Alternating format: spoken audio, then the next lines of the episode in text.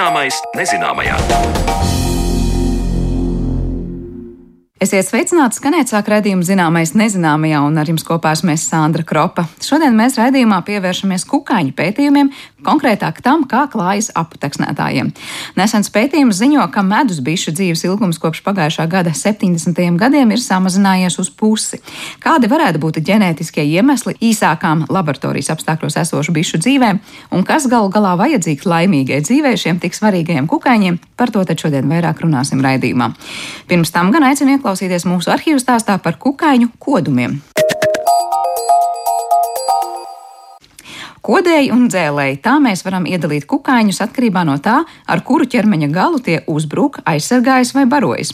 Kurš kukainis kož, kurš dzeļ un vai arī tādi miermīlīgi kukaiņi kā tauriņa mēdz kost, skaidro Latvijas dabas muzeja vecākais entomologs Uģis Piterāns. Ne viss ir tā, kā tas izskatās. To pilnīgi droši var teikt par dabā esošajiem kukaiņiem un to košanas vai dzelšanas paradumiem. Ja paskatāmies piemēram uz karalisko dišspāri, kuras ķermenis ir aptuveni 10 cm garš un kura kā medniece ir apveltīta ar lieliem žokļiem, tad tās kodums cilvēkam ir krietni nekaitīgāks salīdzinot ar biti, kuras dzēliens satur indi, kas cilvēkam ar alerģisku reakciju var izraisīt nopietnus veselības traucējumus.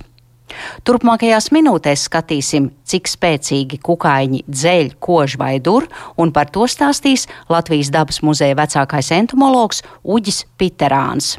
Tie paši sāpīgākie, kurus mēs tiešām sajūtam kā ļoti nepatīkami, vai tās būtu bites vai lapsenes, tās, protams, nekož tās dzeļ. Bet, protams, visi jebkuri citi kukaiņi, kuriem ir žokļi, viņi var mums iekost, bet tas kodens būs vairāk tāds vienkārši kāds ar pinceti. Mums iekniep mazliet, un tas nav tāds neatstāja ilgstoši paliekošs sāpīgas sekas. Bet iekost tiem, kam ir žokļi, visi principā var mēģināt un var arī iekost, kur plānā kāda.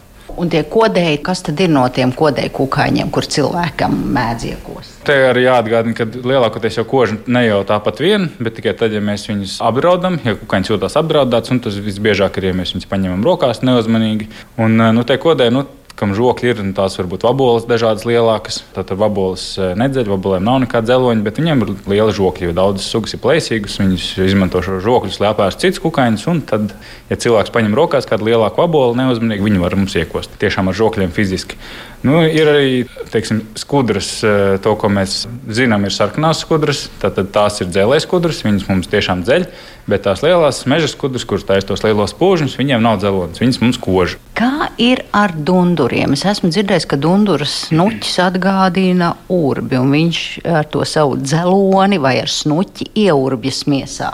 Nu jā, tad mēs nonākam pie nākamās kategorijas. Tad tiem, kuriem nav žokļi vairāk, Jo gan dunduriem, gan odiem, gan citiem, kas mums sūta asins, viņiem nav žoklis, viņiem tā tad ir snuķītis, ar kuru viņš mums tā kā iedur. Katrai no šīm dūrē kukaiņiem, dūrē sūcēju tipu mutes orgāniem ir nedaudz savādāk tā uzbūve. Kā jūs teicāt, dunduriem ir tāds tā kā urbītis, odiem viņš ir vairāk tāds slaidāks, garāks, un visiem viņiem ir kaut kādas nedaudz atskabargas, ja mēs skatītos tiešām ļoti, ļoti lielā, lielā palielinājumā, jo nu, tas ir kukaiņa interesēs, lai viņš iedur, lai viņi tik viegli nevar no viņa atbrīvoties, bet viņš pats viņš var izvilkt, tā, kad viņam to vajag izdarīt.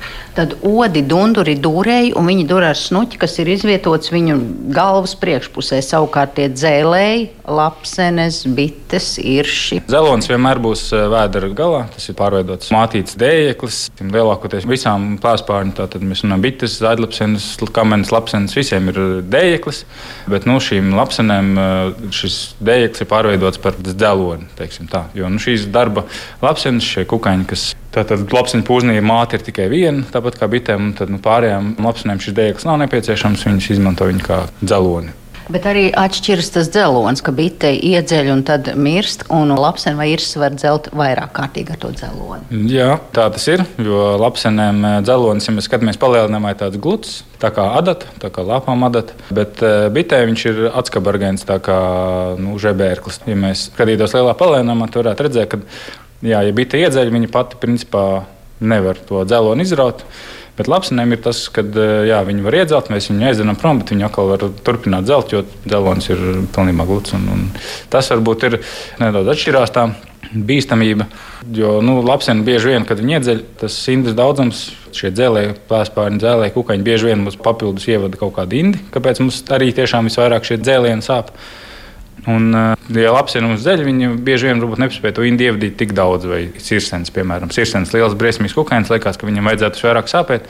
Bet daudzos gadījumos tas nemaz tik ļoti dzēlēns nesāp, jo viņš vienkārši nespēja to indas daudzumu tik daudz ievadīt. Bet bita, piemēram, ja viņi iedzeļ, tad kamēr tas dzelons mums ir iekšā, ir pastāv tā iespēja, ka tā inda tiks turpināta ievadīt, un bieži vien tas bites dzēlēns sāp visvairāk.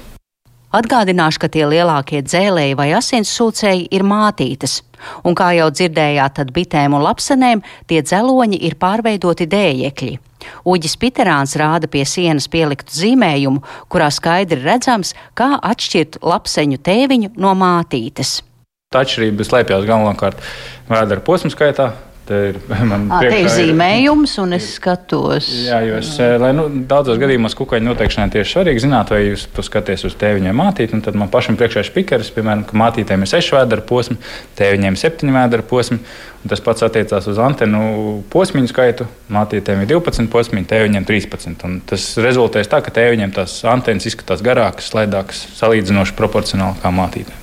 Par mušām runājot, parasti saka, ka mušas augustā kļūst niknas un kodīgas, bet te ir runa par dažādām mušu sugām, un tā negantā, kas parādās vasaras otrajā pusē, ir sīvā muša, kura pēc izskata ir ļoti līdzīga istabas mušai, tikai šai sīvajai ir garš snuķīts, ar ko tā sūc asinis.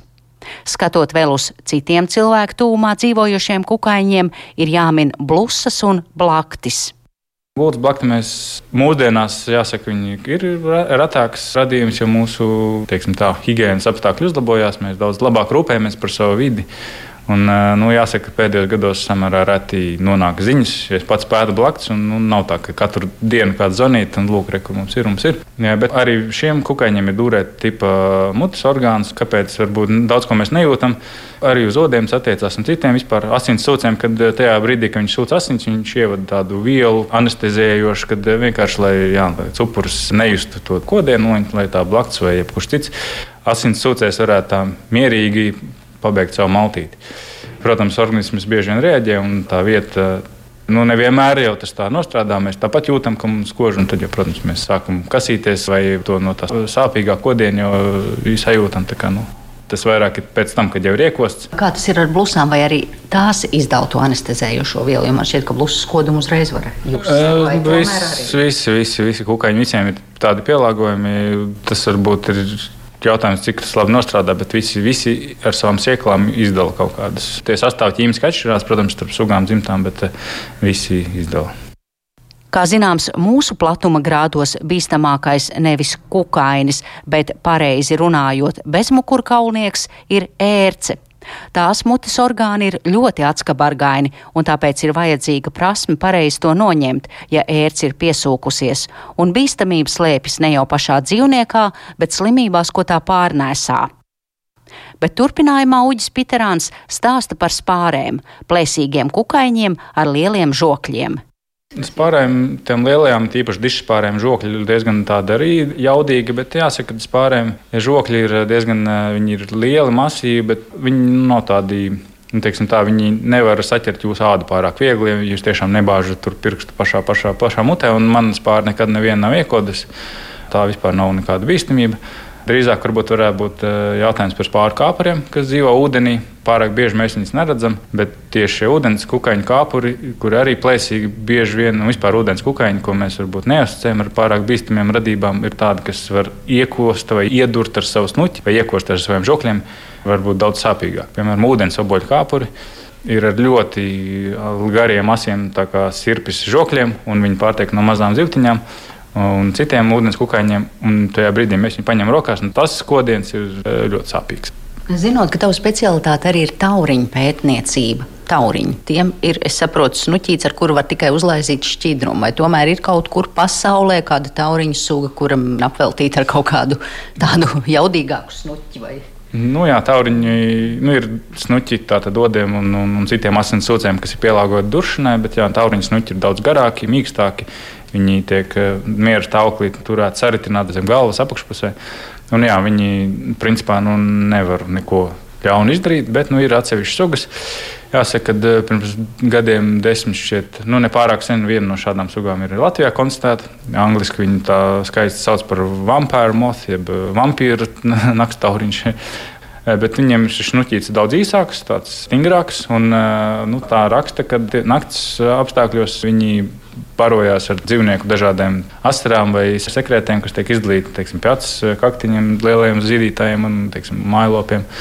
Un uh, arī barojas ar dažādām brūcēm, rētām, kur var tikt klāt pie asins sūkšanas. Un, uh, nu, tā ir raksta, ka retos gadījumos var pat uh, ādu pārdurt ar savu snuķi, bet nu, tas drīzāk ir tāds nu, daļai robežojas uz mītiem, bet tajā pašā laikā fakts, ka šie tauriņi pie vaļējām rētām un citām vietām, kur var tikt pie dažādiem šiem izdalījumiem, tas ir gan fiksēts. Un šī suga šobrīd ir sastopama Latvijā, izplatās uz rietumiem. Nu, nav nekas bīstams, nav jāuztraucās, tagad, ka mums tagad uzbruks naktī un kāds kaut ko sūgs, bet vienkārši tāds interesants fakts, ka arī Latvijā šāda suga ir sastopama.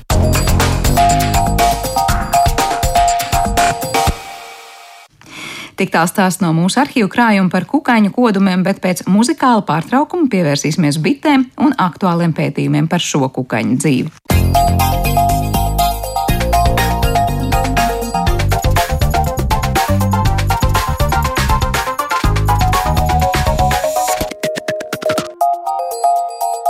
Zināmais nezināmajā.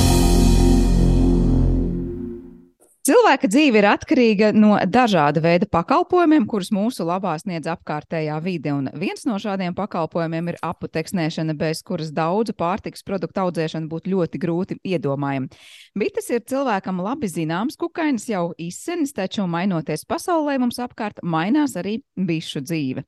Ko zinām par bišu dzīvi, to, kas vajadzīgs to labklājībai un kāpēc izskan bažas par medus bišu dzīves ilgumu, par to šodien mēs uz sarunu esam aicinājuši Latvijas Biozinātņu un tehnoloģiju universitātes asociēto profesoru un augsnes un augu zinātņu institūta vadošo pētnieku Jāni Gaili. Labdien! Labdien! Kā arī Biškopi un Latvijas dabas fonda padomas priekšsēdētāju Andreju Briedi. Labdien! Labdien! Es sākšu uzreiz ar to, ko jau nedaudz ieskicēju, proti, ka Merilenda Universitātē ir veikts pētījums, kurā secināts, ka medus bites, kas ir dzīvojušas kontrolētos dzīves apstākļos, uh, nu, ko to dzīve paliek uz pusi īsāka. Uh, jautāšu Andrei vispirms, vai ir kāds uh, profesionāli komentārs no malas, kāpēc tas tā ir un ar ko tas varētu būt skaidrojams? Nu, eh, nedaudz apskatot šo pētījumu, ir, ir, ir svarīgi droši vien minēt divas lietas. Pirmkārt, kā stāsts ir par tām medus bitēm, kuras tiek izmantotas dažādos eksperimentos laboratorijā. Proti, ka šis pētījums skatījās tikai un vienīgi uz šīm bitēm, un nu, mēs droši vien viens pret vienu šo te, šos te secinājumus nevaram attiecināt uz, uz, uz tām medus bitēm, kuras savos stropos tur biškopji. Un tā otra lieta, ko šis pētījums mums rāda, vai, vai, vai nu, ļauj domāt, ir tas, ka šis medus bišu izzušanas sindroms, kā viņš tiek saukts latviešu, iespējams, ka ir arī savā ziņā saistīts ar kādiem ģenētiskiem faktoriem. Vismaz tādu pieņēmumu pieļauj šis pētījums. Uh, Eh, protams, mēs nevaram izslēgt arī, arī, arī pārējos faktorus, bet, bet nu, pie vainas varētu būt arī ģenētika. Un te svarīgi ir atcerēties to, ka Amerikas kontinentā Eiropas medus bita ir introducēta suga. Proti, nu, to eh, tur ieveda Baltijas kolonizatori.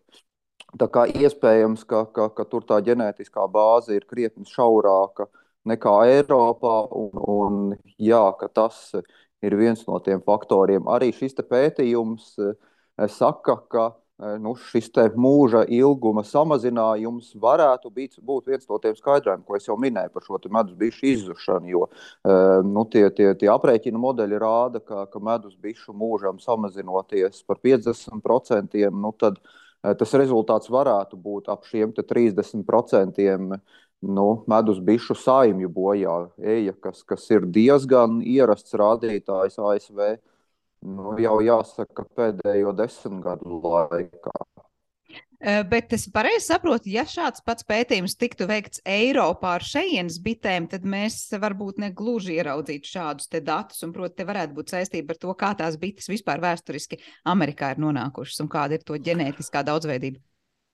Jā, ļoti iespējams. Man gan neizdevās atrast, jā, kādu, te, kādu eksperimentu datus viņi izmantoja šajā pētījumā. Jo, jo cik es sapratu, ka viņi bija kā, nu, skatījušies vēsturiski, kā šis mūžs ir mainījies.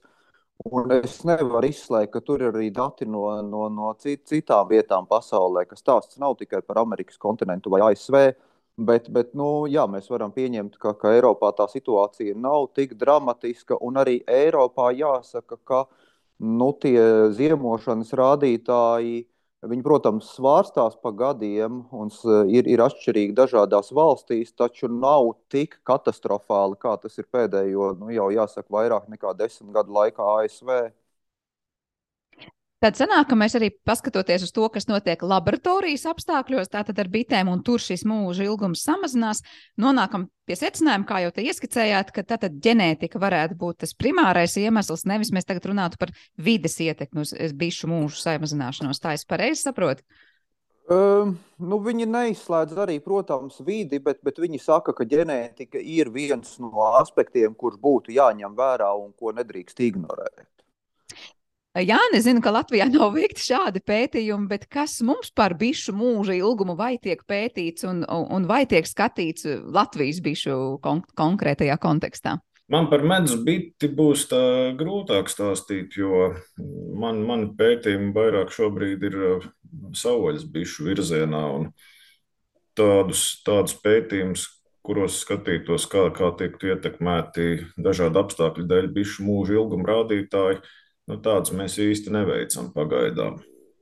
Es saku pagaidām, tāpēc, ka nākotnē jau viss kaut kas var notikt. Mēs nevaram zināt, kas būs nākotnē. Varbūt arī tam pievērsīsimies.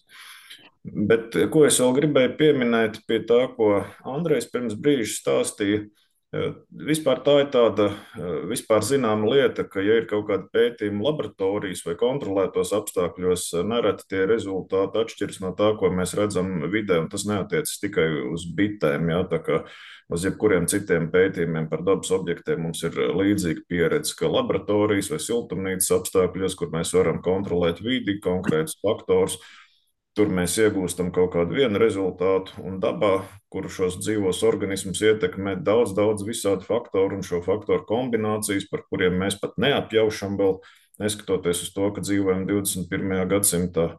E, tur šie organismi sāk uzvesties pavisam savādāk, viņu mūža garumi ir pilnīgi savādāki, un vienā reizē viņi ir garāki, citā reizē īsāki nekā tajā laboratorijā izpētīts, mums pašiem liekas, ka apstākļi visi ir vienādi. Un grūti pat izskaidrot, kāpēc kas kā notiek. Bet sanāk par to, kas notiek savvaļā ar bitēm. Mums patiesībā ir vēl lielāka neskaidrība, proti ar to, kādi faktori tad ietekmē to dzīves ilgumu un kā vispār tām tur klājas. Nu, mēs zinām, protams, par savvaļas bitēm ģenerāli, ka savvaļas bites dzīvo aptuveni vienu gadu no tā brīža, kad tiek izdēta ola, ja uzskatīsim, ka organisma attīstības sākas no tā brīža, kad tiek izdēta ola, ja kūkaņa dēļ olas. Nu, tad šķiļas kāpurs, kāpurs ēda, aug, attīstās, iekūņojas, vēlāk izkūņojas pieaugusī bitība māgo, tad viņa ir aktīva.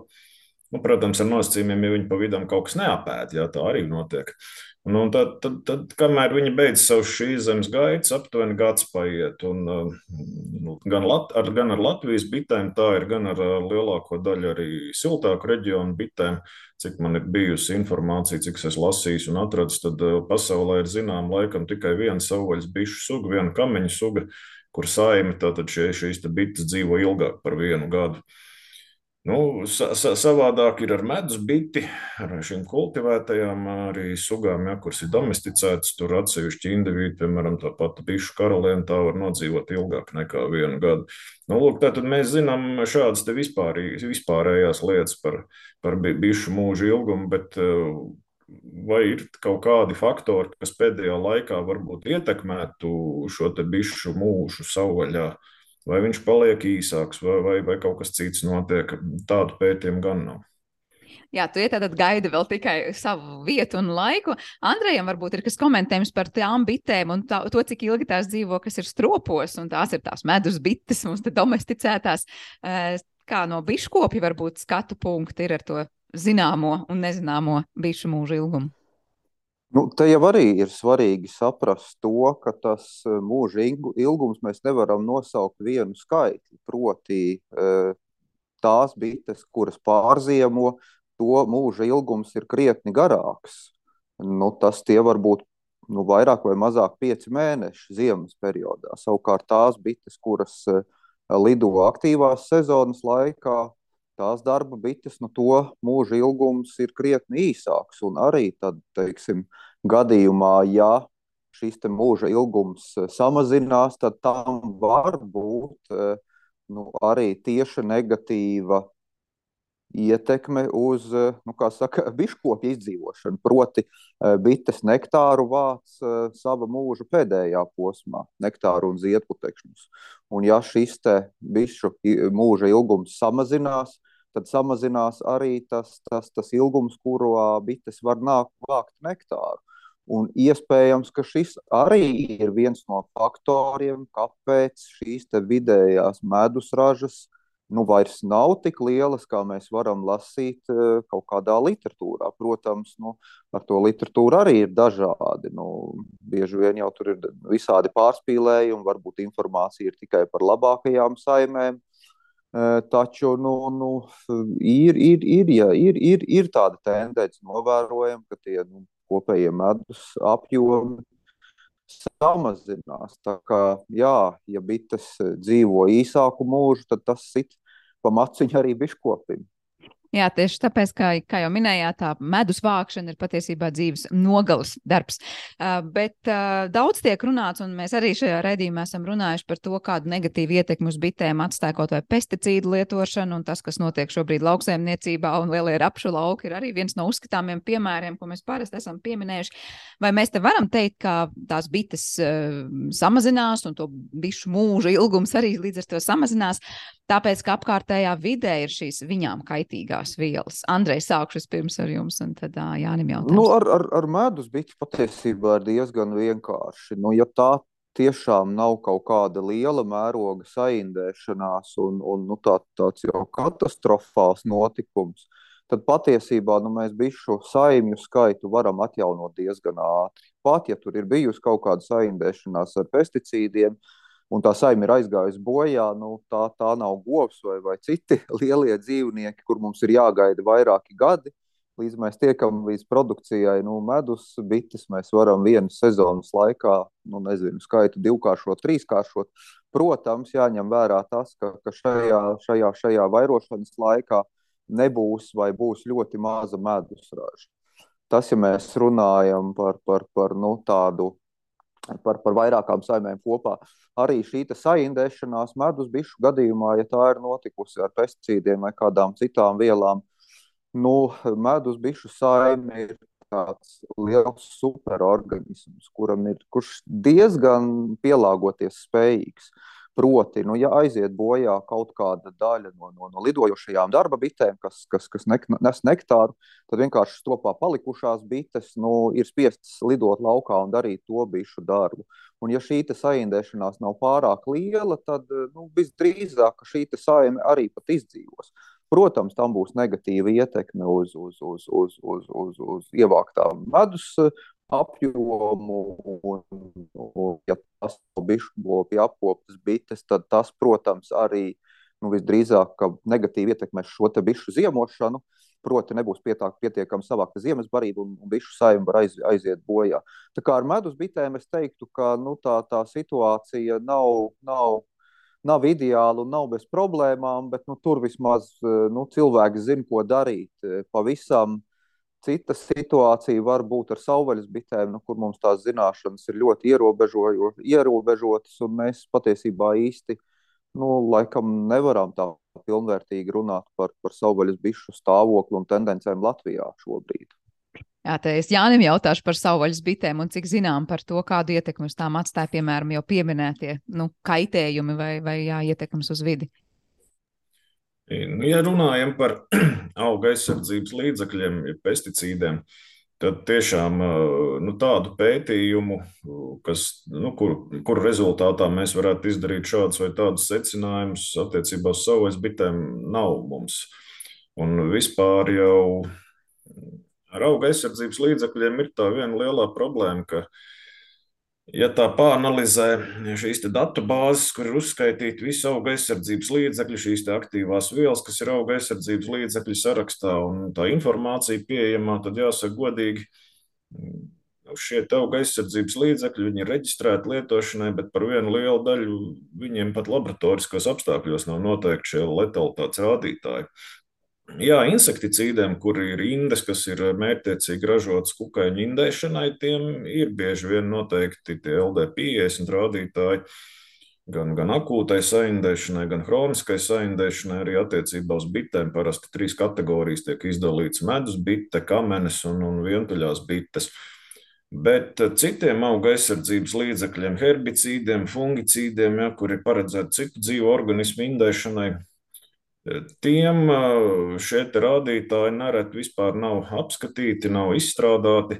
Nu, no vienas puses cilvēki var teikt, jā, šīs te indas kukaiņiem nav indīgas, nu, no otras puses tam pašām medzbitēm kaut kāda LD50 rādītāja ir izstrādāta. Un, un mums šobrīd ir tādas bažas, par to, kāda varētu būt šo auga aizsardzības līdzekļu hroniskā ietekme uz, uz bitēm, gan uz medus bišu veselību, gan uz savvaļas bišu, gan arī uz citu apoteksnējošo kukaiņu veselību. Jo bites jau patiesībā nav vienīgi apoteksnētāji. Bites ir viena maza daļa no visiem apoteksnētājiem, kas mums vidēji sastopami. Un, jā, jautājums, Kā, kā, kāda ietekme uz veselību būs, ja mm, pieaugusī bita regulāri saskarsies ar, ar šiem ķīmiskajiem savienojumiem? Kāda ietekme ir uz bites organismu, zinot, ka viņi savāc putekšņus, kur ir, kuriem ir trāpījuši arī pesticīdu virsū, aiznestos savu alu? Un tur kāpurs ēdīs ja šos putekšņus, un pie reizes viņš apēdīs kaut ko no šiem ķīmiskajiem savienojumiem. Nu, No vienas puses, it kā jau tieši nekāda pierādījuma nav, ka tas kaut ko sliktu tam bitēm nodarīt, bet eh, nu, zināmas bažas tomēr paliek, kad, ka šie faktori varētu savā ziņā negatīvi ietekmēt bišu, bišu, bišu, bišu šo dzīves kvalitāti, mūža ilgumu, un, un ka tas varētu būt ar kaut kādām tālajošākām sekām. Bet salīdzinoši nesen mēs skaļi daudz kur mēdījos esam dzirdējuši par to, cik ļoti daudz kur pasaulē iet bojā bites, un mēs tieši to saistījām, man liekas, ar in in insekticīdu klātesamību apkārtējā vidē. Tad varbūt Andrēm ir vēl kāds komentārs pie tā, ko Jānis teica. Tad mēs tiešām varam teikt, ka nu, pat ja arī ar insekticīdiem bites, eh, medus bites no stropiem sanāk kaut kādā brīdī vienā vietā un vienā laikā, tad eh, līdzīgi kā teicāt pirms brīža, nu, tas ir laika jautājums, kā tos saima varētu atjaunot un pamazām, pamazām bites atgūtos? Ja mēs runājam par medus biti, nu tad tā statistika ir tāda, ka pasaulē kopējais medus bišu saimju skaits palielinās. E, savukārt, turpinot par statistiku, atkal kopējais ievāktā medus daudzums gan nepalielinās. Um, bet nu, tur atkal jā, šis, šis gluži vairs nebūs stāsts par bitēm, bet vairāk par biškopības produkciju. Nu, ir problēmas ar, ar dažādiem biškopības produktu viltojumiem. Tad mēs lielākoties runājam par medu. Un, un, un, un tas, bet jā, tad mēs jau nogājām no tēmas. Atgriežoties pie pesticīdiem, tur ir svarīgi vienmēr atcerēties to, ka šī, šīs ķīmiskās vielas, ko mēs izmantojam lauksaimniecībā, uh, nu, ka viņām nonākot dabā, veidojas kokteils. Un ka ir ļoti, ļoti maz pētījumu par to, kāda varētu būt šī kokteļa ietekme. Protams, var būt gadījumi, ka šis kokteilis, šajā kokteilī esošie, esošās dažādas ķīmiskās vielas viena otru neutralizē, taču ir arī pētījumi un pierādījumi tam, ka šīs vielu kokteilis var kļūt daudzkārt kaitīgāks, daudzkārt indīgāks nekā atsevišķas vielas.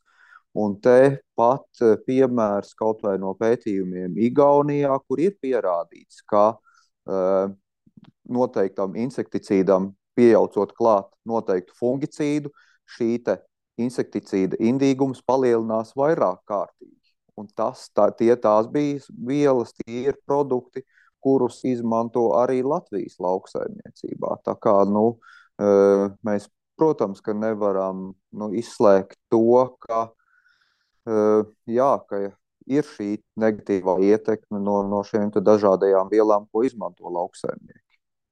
Ka salikumi šo vielu arī būtu vēl sīkāk jāpēta. Bet es vaicāšu Jānim, jo es zinu, ka pēdējā laikā tad ir nācies pētīt savvaļas bišu daudzveidību vispār Latvijā. Ja es saprotu, ka skaitījāt, mērījāt, analizējāt to, kādas tad ir tās bites un cik daudzveidīgas mums šeit Latvijā. Kāda ir tieši šī brīža secinājumi kopumā? Mums tā bišu daudzveidība savvaļā Latvijā nemainās, palielinās, samazinās. Kāda ir tā tendence Latvijas dabā? Šobrīd mēs nevaram pateikt, eh, vai mainās, vai, vai palielinās, vai samazinās, jo tādus mērķtiecīgus daudzveidības pētījumus, te, kur aprēķina sugu daudzveidības indeksus un, un tā tālāk, tādus mēs veicam pēdējos trīs gadus. Pirms tam Latvijā šādi pētījumi attiecībā uz bitēm ir veikti, ja nu ir veikti ļoti sen un, un, un, un, un, un ļoti, ļoti minimāli. Lielākoties faunistiski pētījumi ir bijuši. Līdz ar to mēs nevaram pateikt, vai mums palielinās vai samazinās bišu daudzveidība, bišu sugu skaits, kopējā bišu biomasa, noteiktos biotopos un tā tālāk. Varētu teikt, ka mēs, lai šo lietu noskaidrotu, mēs esam tikai pirmajā etapā šādam pētījumam nu, pēc gadiem 20, ja satiksimies, varbūt tad es varēšu precīzāk jums pastāstīt, ja, kā, kā, kā, kāda ir šī tendence. Nesen man bija nu, tāda neliela diskusija par apteksnētājiem ar vienu no maniem skolotājiem, Valdemārs Puņģi. Un, uh, Viņš man uzdeva tādu jautājumu. Viņš saka, kā tev šķiet, mums draud apteksnētāja krīze Latvijā? Es saku, nu tā, datu man nav, protams, ar ko pierādīt manas apgalvojumus, bet uh, par tiem apteksnētājiem pēdējos gados darbojoties, šķiet, ka šobrīd apteksnētāja krīze mums nedraud. Bet mums ir visas iespējas to situāciju sabojāt, ja, kā vienmēr. Ja, tā kā, uh, Nu tā, tā, tāds ir viedoklis. Šobrīd. Jā, it kā no vienas puses ļoti optimistisks sākums, un pēc tam tāda realistiska aina tiek iezīmēta, ka viss jau var mainīties. Bet kas ir tas, kā mēs varam sabojāt šobrīd to situāciju, kas ir Latvijā, lai mums draudētu tā krīze? Nu, redziet, uh Mēs varam darīt ļoti daudz patiesībā, lai to visu sabojātu. Mēs varam palielināt auga aizsardzības līdzekļu lietošanas apjomu. Tas pavisam noteikti atstās negatīvu ietekmi uz, uz, uz aputeksnētājiem. Mēs varam turpināt censties noplicināt mūsu dabas daudzveidību. Mēs to ļoti cenšamies, godīgi sakot, šobrīd ļoti centīgi pie tā tiek strādāts. Kāpēc mums, piemēram, bišu suga daudzveidība un apteksnētāja krīze vismaz pagaidām nedraud? Tāpēc, ka Latvija salīdzinot uz uh, Rietuma Eiropas fona savu dabas daudzveidību vēl nav pamanījusies tik ļoti noplicināt. Mums ir, uh, nu, varbūt Andrejs man nepiekritīs, bet uh, es lietoju šādu terminu, bet mums tā Latvija ir salīdzinoši tomēr zaļa valsts vēl nu, uz, citu, uz, citu, uz citu valstu fonu. Un, Un tāpēc arī mums tā apteksnētāja daudzveidība ir lielāka. Bet tas zaļums ir tā, tāds mānīgs, to zaļumu ātri var pazaudēt. Un, un tad arī būs tā apteksnētāja krīze, sāks klauvēt pie durvīm. Tas ir ļoti būtisks faktors. Pagaidām mums ir daudz salīdzinoši ekoloģisko nišu. Mums tātad līdz ar to var arī dažādas šīs bijuši un citu apateksnētāju sugas pie mums dzīvot, un viņas var iemigrēt mūsu kultūra augu platībās, ziedošajās un vācot tur ziedputekšņus un nektāru veikt šo augu apateksnēšanu. Nu, ja mēs centīsimies panākt tādu situāciju, ka šīm bitēm fiziski nebūs kur dzīvot, nu, tad nebūs no kurienes viņam ir emigrēt tajās mūsu platībās un veikt apteksnēšanu. Nu, tās ir tādas, tādas lietas, ko, ja mēs tik centīgi pie, pie tā piestrādāsim, tad mēs pie apteksnētāja krīzes nonāksim. Patiesībā sanāk ieskicējāt to man nākamo jautājumu, kas tad ir svarīgs, lai varētu bite labi un laimīgi dzīvot mums līdzās, tad dabas daudzveidība un um, iespējami mazāk šo ķīmisko vielu, kas varētu tam kaitēt arī apkārtējā vidē. Ja tā, Jā, tā to rezumēt. varētu teikt. Jebkuram dzīvam organismam primāri divas lietas. Viņam vajag māju un viņam vajag ēdienu. Ja, un tad jau viņš jūtas gandrīz pilnā laimē. Ja. Nu, tad pārējais jau ir nianses. Nu, bitītai tā tad vajag šo māju, medus bitē, tas ir strops vai, vai dobums kokā, kur viņi ar savu, kā vecos laikos, ja bija dobumos kokos, ja šīs saimnes tika turētas, nu arī tur var mūsdienās kādu medus bišu saimiedzīvot. Nu, savvaļas bitēm ir sugas, kurām vajag eh, daudz maz netraucētu zemes strēmeli, kur viņas un pietiekami ir dena augsne, kur viņas varētu alas rakt.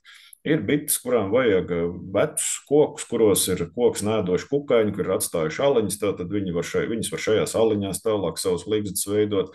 vai vajag klinšu atsegumus, arī veci mūri, ar starp citu nodara vienu daļu bišu savu salstājas šādā, šādos, nu, šādā vidē. Tātad tā būs tā bišu māja. Mums vajag šo māju. Tātad sugas ir dažādas, dažādas sugas izvēlās dažādās vietās dzīvot, dažādas šīs mājas. Uz matu tagad cilvēki viena dzīvo viena tipa mājās, cita cita tipa mājās. Jau nevar pateikt, kur ir labāk, kur sliktāk. Viss labi. Jā, viens vajag ēdienu, un lai ēdiens ir kvalitatīvs, un lai ēdiens nav, nav piesārņots ar nevēlamiem ķīmiskiem produktiem.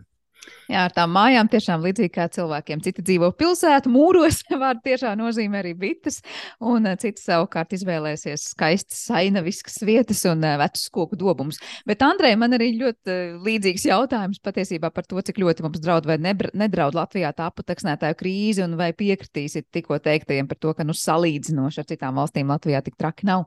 Nu, ja runājam par apoteksnētājiem, tad droši vien, ka, ka var piekrist Jānim. Un, un, un tā situācija mums šajā brīdī ir, ir diezgan, nu, teiksim, tā labvēlīga. Taču, nu, jā, Jānis jau minēja, ka mums ir visas iespējas šo, šo situāciju vai šo visu sabojāt.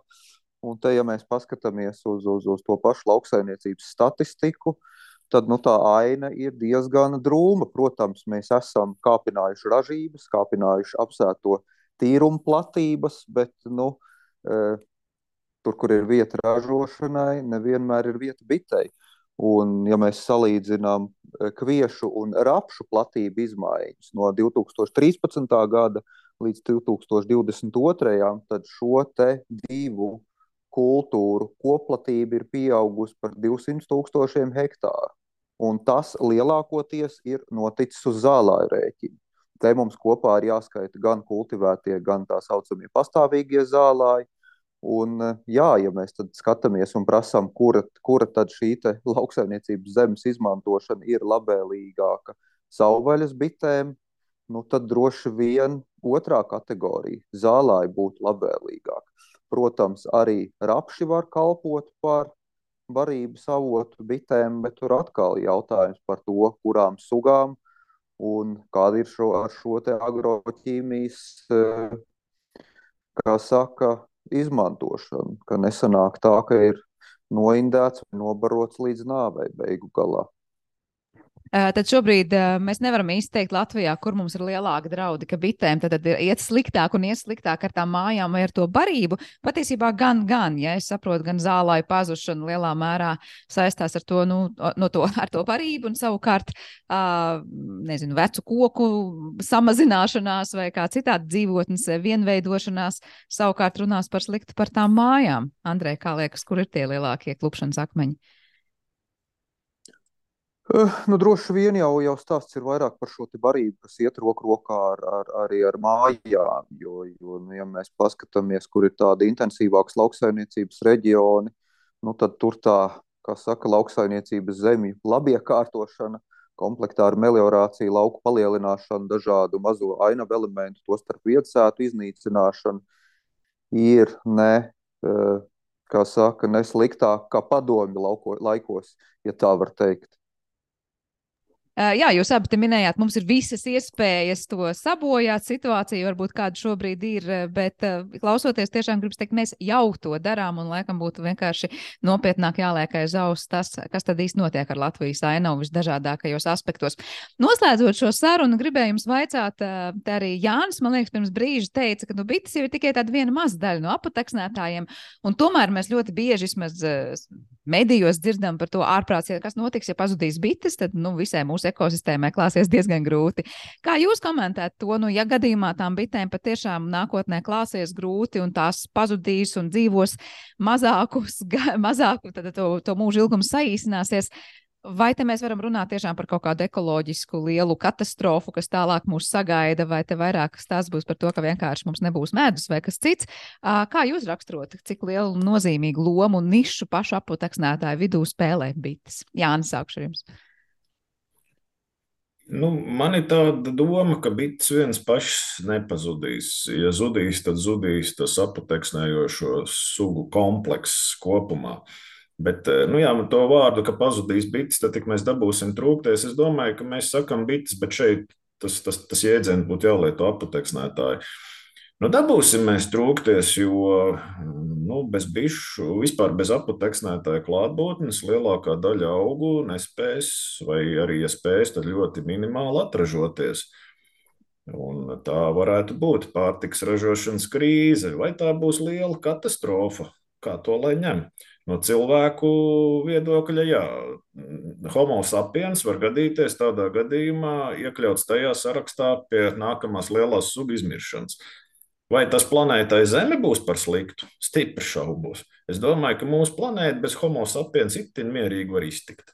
Jā, tā kā jā, tas katastrofa, ne katastrofa, tas ir vairāk kā cilvēks, no kura viedokļa uz to paskatās. Un par to, ko mēs te, kā mēs Latvijā darbojamies šobrīd ar to ainavu un daudzveidību, Nu, tā ir, ka notiek šīs lietas, bet uh, mums jau ir iespēja apstāties un bišķiet mainīt to savu domāšanas stilu un to savu darbošanās stilu. Un, uh, tas jau īstenībā nemaz neprasa daudz. Tas prasa tikai nedaudz, nedaudz padomāt citādāk nekā līdz šim esam domājuši. Tā, tāds mans viedoklis padomāt citā mērogā un kategorijās, varbūt no, Jā, no citas puses. Jā, paldies, Andrej, kāds ir tas vērtējums par to, kas notiks, un vai tiešām mēs tā kā Jānis teica, nu, ja jau pazudīs bites, tad patiesībā pazudīs vēl daudz citi. Jā, es pilnīgi, pilnīgi, pilnīgi noteikti pievienojos šim te Jāņa teiktajam, ka patiesībā, nu, ja, ja mēs nonāksim tik tālu, ka, ka, ka mēs tiešām pazaudēsim bites, tad bites būs mūsu kā cilvēku mazākā problēma. Visdrīzāk, ka nu, tie, tie faktori un tas veids, kā mums būs jāmaina savs dzīvesveids, būs, būs daudz lielāks. Kā, nu, savā ziņā mēs varam teikt, ka, ka jā, bišu saglabāšana ir mūsu pašu interesēs, lai nu, mums nebūtu ļoti, ļoti, ļoti, ļoti kardināli jāmaina tas savs dzīvesveids. Un ir skaidrs, ka nu, ir lietas, kas mums ir pilnīgi noteikti jāmaina. Tas veids, kā mēs saimniekojam laukos, kā mēs ražojam pārtiku, nu, tur ir daudz problēmas gan attiecībā uz dabas daudzveidību, gan tostarp arī uz klimatu. Jā, un līdz ar to sakārtojot to, kāda dzīves vide un telpa un barība un vispārējais ir pieejams bitēm, mēs tātad arī palīdzēsim daudz lielākai apteksnētāju grupai vispār nepazust no mūsu, var teikt, dzīves vides, un arī, kā jūs abi minējāt, tā lielākā problēma jau būs tieši cilvēkam. Paldies jums abiem par šo sarunu, ka viesāt skaidrību nedaudz tajā, kā tad dzīvo bites un kas ir tie galvenie faktori, kas ietekmē bišu dzīvi. Atgādinu, ka šajā raidījuma pusstundā mēs bijām kopā ar Biškopu un Latvijas dabas fonda padomas priekšsēdētāju Andreju Briedi kā arī Latvijas Biozinātņu un tehnoloģiju universitātes asociēto profesoru, Augsnes un augu zinātņu institūta vadošo pētnieku Jāni Gaili. Ar to arī raidījums ir izskanējis, un to producēja Paula Gulbinska, mūzikas redaktors šai stundā bija Girds Bišs, ar jums kopā es Sandra Kropa un vēlot jauku dienu no jums atvados.